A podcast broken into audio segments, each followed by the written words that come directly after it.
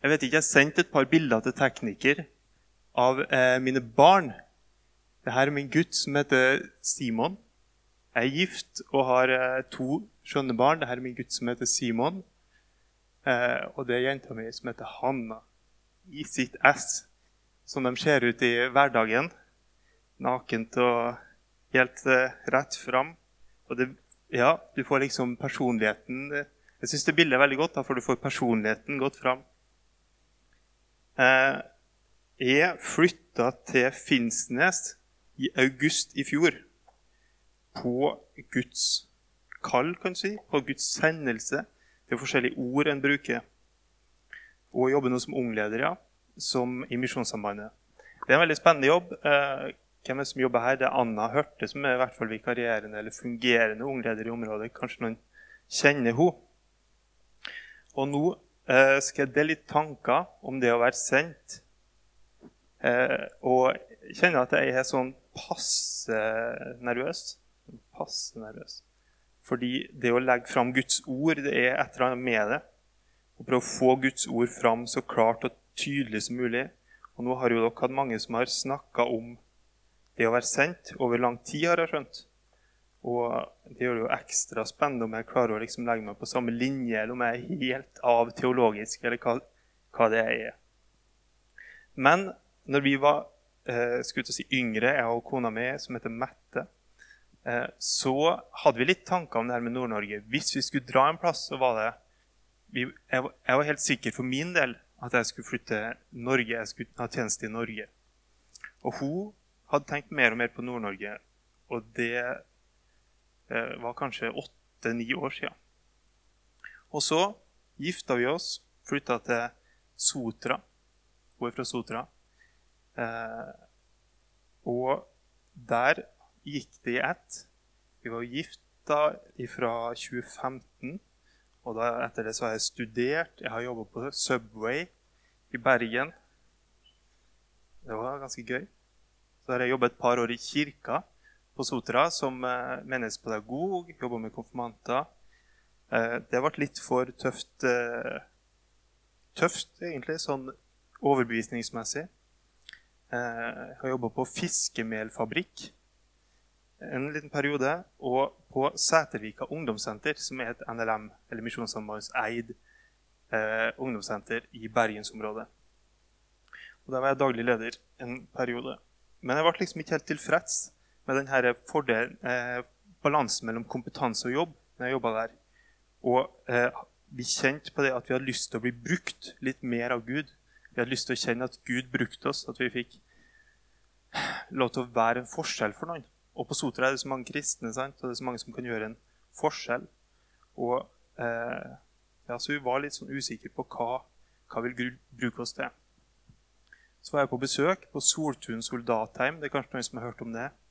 Eh, jeg kjenner godt en som heter Eivind Volle, som jobber i, eh, i Israel nå. Som leder for Israels misjon sitt arbeid i Israel. Men han var daglig leder på Soltun soldatheim, og jeg var på besøk hos han. Det er nesten på Finnsnes, der vi bor, på, uh, på Setermoen. Og, og ja, var der en tur, og var en tur til Nordborg, som er en misjonsmannsskole og til Finnsnes og i området der. Og når jeg dro tilbake derfra, så kjente jeg en sånn dragning hjertet mitt. da. Her, hit skal jeg tilbake en dag. Her skal jeg tilbake en dag. Og så skjedde ikke noe mer med det. Så kom det her plutselig, etter tre-fire måneders tid, så kom denne stillinga som ungleder ut. Og så tenkte jeg OK, jeg skal snakke med han Eivind, som jeg kjente veldig godt, da, og spørre og si på tull tenkte jeg egentlig da, at hvis du skal være i Nord-Norge, da skal jeg søke på den stillinga. Og han sa ja, ja, han skulle være der og greier. Det viste, det viste seg jo at den dagen, jeg, dagen etter at jeg godtok, takka ja til min stilling, så sa han opp sin stilling og flytta til Israel. da, Så det var jo litt av et løfte. Vi kan ikke stole på folk, vi kan stole på Jesus. Men vi bestemte oss for å reise. Vi, eh, vi Jeg sa det jo på tull både til han og egentlig til kona mi, men hun, hun svarte ikke negativt da, på det. Eh, så vi ba over det og snakka med folk og ba våre bibelgrupper om å be for oss. våre nærmeste venner. Og så kom vi fram til det etter hvert at Eller jeg kom fram til på et møte at OK, nå har jeg fred. Nå, nå drar vi.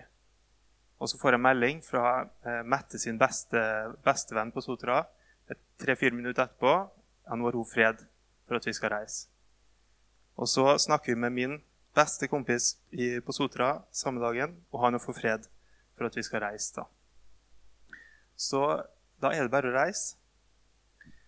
Og så er det litt morsom eh, Enda en morsom hendelse som skjedde, var at eh, Mette fikk en tanke i bønn. At vi skulle flytte til Nord-Norge, og vi skulle bli med barn. Og Det er ikke ofte at jeg går inn på bibelen.no og leser dagens bibelord, men det hadde jeg gjort den dagen. Og der, står det, og der sto det den dagen at eh, om, om Hanna og Elkana i første Samuels bok.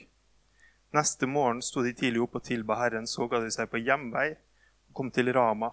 Og da Elkana igjen var sammen med sin kone Hanna, husket Herren på henne. Før året var omme, ble hun med barn og fødte en sønn. Hun kalte han Samuel. For jeg har bedt Herren om han, sa hun. Og nå venter vi på vårt tredje barn og har termin 15. juli. Så det ble som vi, hun tenkte. Og det var veldig spesielt. Og en bekreftelse for oss, ikke minst. Teksten i dag nå har jeg tatt veldig lang tid, men jeg skal snakke litt fort. Teksten i dag er fra Lukas 9, 61-62, så det er kort tekst. Det er jo bra.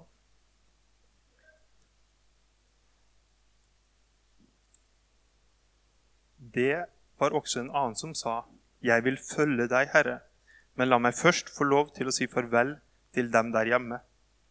Men Jesus sa til ham, ingen som legger sin hånd på plogen og ser seg tilbake, er skikket for Guds rike.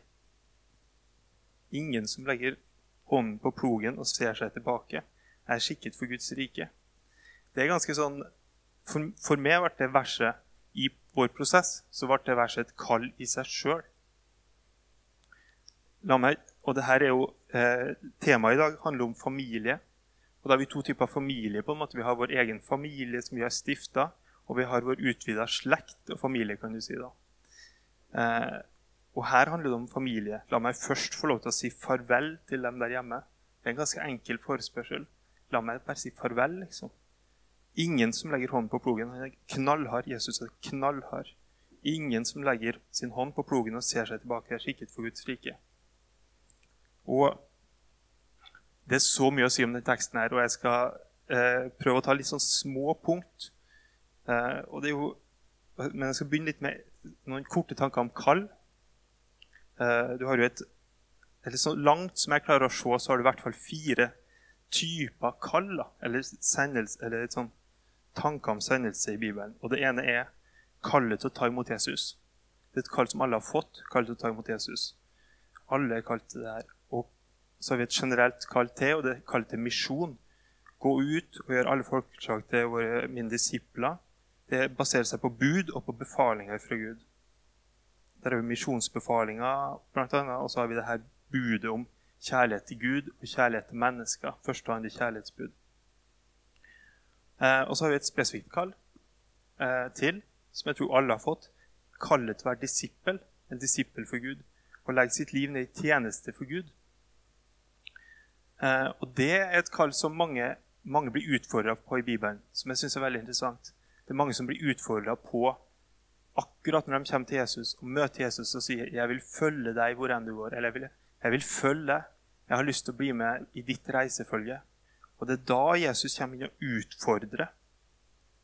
Han, og utfordrer ganske hardt og ganske eh, heftig, da. Eh, og så har vi sendelse til spesifikke oppgaver, plasser eller, eller uh, spesifikke jobber, har jeg skrevet. Og det er en sånn fjerde kategori, og den er jo veldig interessant. Det er jo akkurat den som jeg har forklart vitnesbyrd om, og den som vi har fått vitnesbyrd om nå fra Nord-Afrika. Skal ikke si land. Eh, og det er en realitet. Han bruker oss ufullkomne mennesker og vi er ikke bare ufullkommen, har jeg, lyst til å si, men utrolig forskjellig. Og det er litt av det som er fint med det. Vi er utrolig forskjellige. Og om vi tror på Bibelen, så må vi nesten tro det at han har skapt oss med egen personlighet og en helt egen og unik nådegaveutrustning som han ønsker å bruke. Og det knytter seg til det her spesifikke kallet, da, vil jeg si. Eh, og så vil jeg ha en sånn PS her, at jeg ofte tror at det er her fienden setter inn sitt angrep. Når han prøver liksom å dra oss, dra oss bort ifra trua. Han setter inn sitt angrep på vårt spesifikke kall, sånn at vi ikke får til å gå i det som vi ønsker å gå i. Eh, og jeg tror han gjør det med vilje. Han vet, han vet, det på en eller annen måte. Han skjønner det. Og han setter inn en sånn brodd imot vårt spesifikke kall. Eh, tror jeg kallet er låst i tid og sted. Det er jeg litt usikker på. Eh, Paulus sine reiser tyder på at det ikke er det, kanskje. Han drar litt hit og dit. Av og til blir han hindra av Den hellige ånd, av og til blir han hindra av djevelen. Av og til går det bare ikke. Og eh, sånn. Men jeg tror at Gud kaller til spesifikke steder, spesifikke tider, spesifikke oppgaver, spesifikke jobber eh, på ulike tidspunkt. Og eh, jeg tror ikke det er for sent om du har gått glipp av én oppgave. Her kommer nye oppgaver, nye ting som man ønsker å utrette.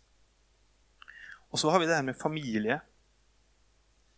Jesus sier jo en plass når de kommer og sier 'Kom her, mora di er her, og søsknene dine er her, så, han, så, svarer han, 'Hvem er min bror og min søster?' Han svarer jo det. Bryr Jesus seg om vår familie? kan jeg spørre da? Bryr han seg om vår fysiske familie, eh, biologiske familie?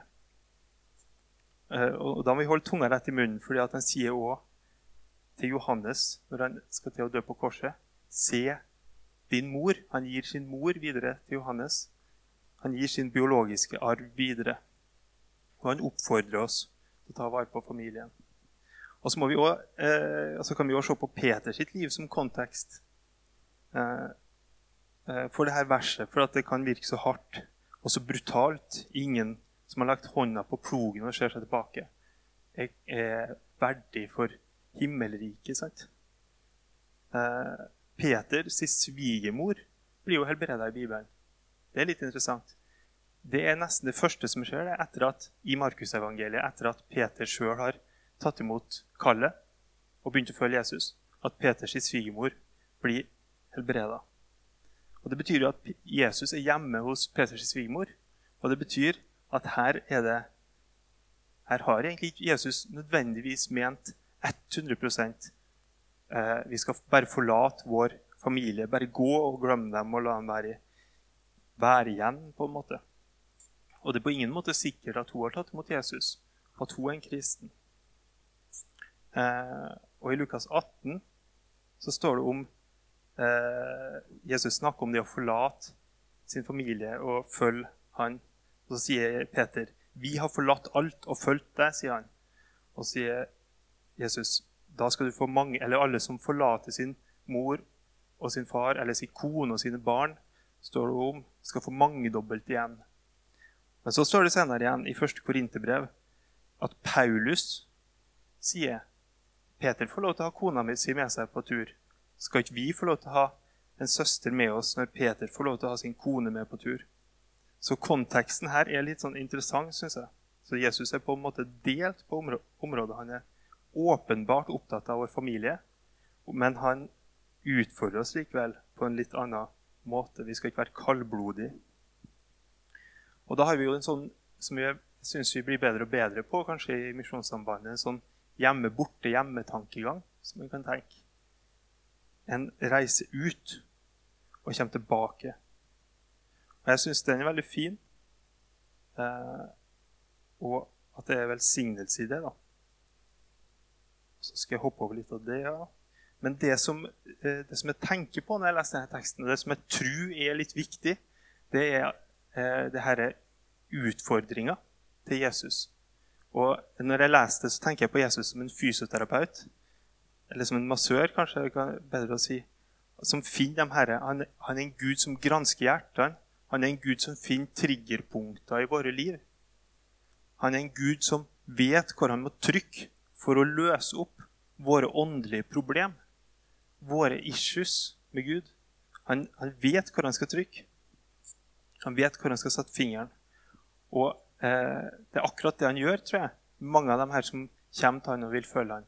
Han vet hvor han skal trykke, og han setter en profetisk utfordring i det. Gå hjem og selg alt du eier, sier han til en. Det har jeg kjent ofte på. Hva er det? Og så er spørsmålet har du noen smertepunkter som du trenger å løse opp i ditt liv. Har du noen ting som Gud setter fingeren på?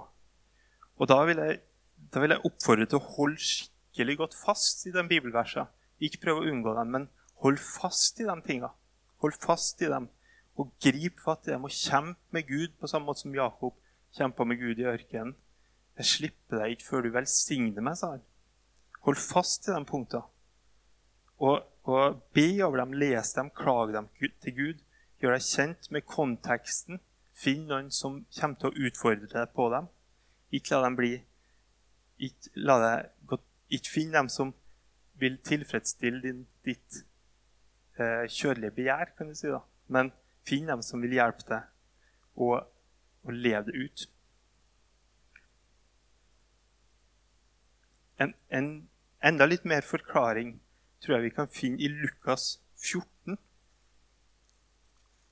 Og nå er det jo et enda mer radikalt vers. Jeg skal ikke slå det opp, for jeg har det bare her på teksten. Det står Lukas 14. Eh, så sier Jesus om noen kommer til meg og ikke hater sin far og mor og kone og sine barn og brødre og søstre av sitt eget liv, da kan han ikke være min disippel. Den som ikke bærer sitt kors og følger etter meg, kan ikke være min disippel. Bære korset, sant? ta opp sitt kors ta opp sine smertepunkt i livet, løft dem opp og si at ja, men jeg skal gå likevel. Jeg skal gå likevel. Jeg skal holde dem opp imot Gud til han har fått massert ut hver eneste del av dette smertepunktet. Og så står det litt senere at han sier sånn som det her at den som bygger et tårn Det her er i samme sammenheng som det her med å hate sin mor og sin far og kone og barn. Og da er det en, De versene må en forstå som i relasjon til sin kjærlighet til Kristus. En hater dem som om en setter Kristus så høyt at ens kjærlighet til sine familiemedlemmer blir eh, som hat i forhold. Det går jo ikke på, En kan jo ikke si at vi fortsatt at ikke er kalt til å elske vår neste som oss sjøl. Det går jo imot, Der går jo Bibelen imot seg sjøl i så fall. Men det er i forhold til Jesus, i forhold til kallet vi får fra Jesus. Så står det den som bygger et tårn, han må regne ut kostnader. Og så står det den som går i krig, han må regne og se om han kommer til å vinne. Og her er vi Begge de to utfallet her er ganske usikker. Klarer du å bygge ferdig tårnet? Klarer du å gå i krigen og vinne? Så står det likevel den som, ikke, den som legger hånden på plogen og ser seg tilbake, er ikke skikket for Guds rike. Så han utfordrer oss også på det her, å telle kostnadene. Og hva betyr det? Hva betyr egentlig det? Det betyr at han vil Han setter større pris på at du klarer å være i tjenesten. Og det tror, det er bare min teori, men jeg tror det har med ditt tru å gjøre. Med ditt åndelige liv å gjøre. Han setter større pris på at du klarer å være i tjenesten til du har fullført det som han har kalt deg til å gjøre, enn at du bare drar ut og reiser på impuls, og at nå skal vi, nå skal vi ha det skikkelig bra. Nå skal vi tjene Gud og halleluja og, og alt det der. Men selv om det er fint, og det er fint å kontekstualisere det på den måten og si at nå reiser jeg ut for å undersøke, nå reiser jeg ut for å se er det her noe for meg. Nå reiser jeg ut for å oppleve misjon en liten periode. Men skal du ut i en tjeneste for Gud, så tell opp er det her noe du klarer å stå i? Og det er nettopp i det her at vi må se på vår familie. Og så må vi si at eh, familien kan bli en byggekloss som blir for vanskelig å bygge med. Den kan bli sånn, et sånn hull i muren som i lys av alt det vi har sagt om Peter som fikk ha med seg sin familie på tur, om Peter som som eh, eh, var hjemme hos svigermora si, så kan vi si at hva tenker vi tilbake på når vi går ut? Hva lengter vi etter når vi drar ut? Sier vi 'Jeg burde ha blitt hjemme', 'Dette blir for tøft for meg', 'Jeg savner familien min', og jeg skulle ønske, ønske vi hadde mer barnepass'? Eller sier vi 'Det her gjør jeg for Gud'? Nå har jeg lagt mitt liv i Guds hender. Han er min hjelper og min styrke, mitt skjold og et vern på nødens dag. Han løfter meg opp på et høyt fjell og gjemmer meg i ly av sine vinger. Han gir den trøtte kraft, og den som ingen krefter har, gir han stor styrke. Han gir ikke motløshet sånn, men kraft og kjærlighet og sindighet sånn. Klarer vi å legge vår tillit på Gud, eller legger vi vår, våre tanker i det som vi reiste ifra? Bygger vi et byggverk som vi kan stå i? Og her Det er sånne psykologiske mekanismer som gjør at vi lengter tilbake til alt som eh, vi ikke har virkelig reist ifra og sagt at det her akter vi lavere enn det å følge Jesus. Og det er en tillit til Gud og en tillit til Guds omsorg. Gud har lyst til å ha omsorg som far, fordi han er den største og den første familien vår. Han har gitt oss en familie som er mer reell enn den familien som vi eier. Den biologiske familien eller vår familie som vi har stifta sammen. Og Det står jo det i eh, Matteus 11, 28 og 29. Kom til meg, alle som strever og bærer tunge byrder, og jeg vil gi dere hvile. Det er Jesus sitt hjerte. Sant? Han vil gi oss hvile. Han ønsker å gi oss et eller annet. Ta mitt åk på og lær av meg. For jeg er mild og ydmyk av hjerte, så skal dere finne hvile for deres sjel. For mitt åk er godt, og min byrde er lett. Jesus vil ha omsorg for oss. Gud vil vise oss sin omsorg. Han ønsker å ha oss i sin familie. Og han ønsker å vite at vi velger hans familie først. Vi velger ikke bort vår familie, men vi velger hans familie først. Her kan vi ha Peter som eksempel igjen. For når Jesus har snakka om nattverden, eller han snakka om det å spise hans eh, kjøtt og drikke hans blod, så er det mange som forlater Jesus, og så sier han til disiplene sine «Jeg skal dere forlate meg? Vil dere forlate meg? Vil dere gå på mine harde bud? Så sier, svarer Peter, hvor skal vi gå? Du har det levende Guds ord. Peters sitt fokus er nydelig. Jeg synes Det er spennende å se hvordan Peter, når han møter Jesus første gangen, så sier ikke han Han sier ikke 'Jeg skal følge deg hvor enn du går'. Det er ikke det han sier. Han sier 'Gå bort fra meg, jeg er et syndig menneske'. Og det er en tiltrekkende tiltale til Gud. Det er det som tiltrekker Gud hos Peter. Gå bort fra meg, jeg er et syndig menneske. Så Peter er et nydelig eksempel på alt det her. Han har forstått det, og han hadde mest sannsynlig god kontakt med sin far og sin, med sin eh, svigerfamilie og med sin kone ut ifra Bibelen. Så det handler om å stole på Gud, og at han skal gi oss det vi lengter etter når vi går i hans kall. Tilbake til vår historie helt til slutt. Vi flytta jeg kjempa meg gjennom jeg vil si at jeg kjempa meg gjennom de tingene her. Gud minte meg om en spesifikk ting, og det var sorg. Her, hvordan skal vi kontekstualisere det å forlate vår familie? Hvordan skal vi prosessere? Vi må tillate sorgen å komme inn i våre liv som et alternativ. Vi må la oss få lov til å sørge. Og det som er med sorg, er at det forutsetter et tap. Du har bestemt deg for at du sier opp retten til å holde fast på en ting. Bitterhet og hjemlengsel og alt det der det forutsetter at du holder fast i et eller annet fortsatt. Men sorgen forutsetter et tap. Og det er det som er så fint med sorgen. Og eh, står ikke i Bibelen at 'salig er den som sørger'. Salig er den som sørger, for den skal trøstes. Han vil ta seg av den som er knust, og den som er avmektig og han vil gi oss lovsangsdrakt. Så vi må til slutt si at vi reiste. Vi reiste fra Matt sin familie, min svigerfamilie. Vi reiste fra gode venner i Tremorkirka der vi gikk. Vi reiste til noe helt ukjent, og til sjuende og sist så reiste vi til ingen som vi kjente, og så måtte vi ha tillit til at Gud skulle gi oss det som vi lengta etter. Og så har han vært trofast. Eh, for meg så vil jeg si at han har gitt oss et nærmere forhold til våre familier. Og det er jo litt spesielt. Han gir tilbake mer enn det som vi ga. Han har gitt oss gode venner. I fjor høst så sendte dere ut Benjamin og Silje Espeland herifra. De flytta til Finnsnes omtrent samme dag som vi flytta til Finnsnes. Og vi har liksom holdt sammen etter det. Og Vidar og Rostio Gjedrem reiste fra Oslo og har eh, vært i vår krets. Eh, og han har gitt oss nye besteforeldre. Folk som kan komme og ta vare på våre barn når vi trenger å ha barnepass. Han har gitt oss gode venner og en forsamling, ikke minst, som, av troende som sørger for oss og ønsker det beste for oss.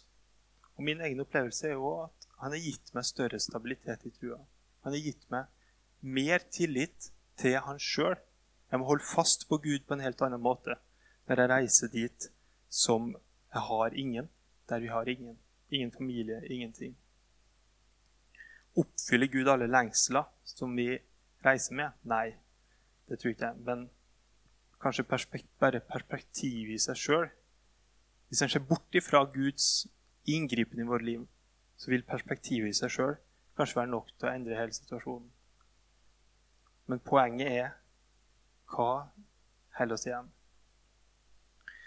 Litt utfordring der. Jeg skal be en bønn til slutt, og så er jeg ferdig. Kjære Jesus, tusen takk for ditt kall. Takk for at du sender oss. Takk for at du gir oss livet i gave. Takk for at du utfordrer oss på våre ting som holder oss igjen fra større fellesskap med deg. Takk for at du har gitt oss en åndelig familie. Takk for at du vil være vår far, og vi kan være dine barn Jeg ber at du kaller oss og utfordre oss videre, far, og at du hjelper oss å bli ferdig med de tingene som holder oss igjen fra våre spesifikke kall. Holder oss igjen fra dit du sender oss, far. Vis oss hvordan vi skal ta oppgjør med det, far. Ber det i Jesu Kristi navn. Amen.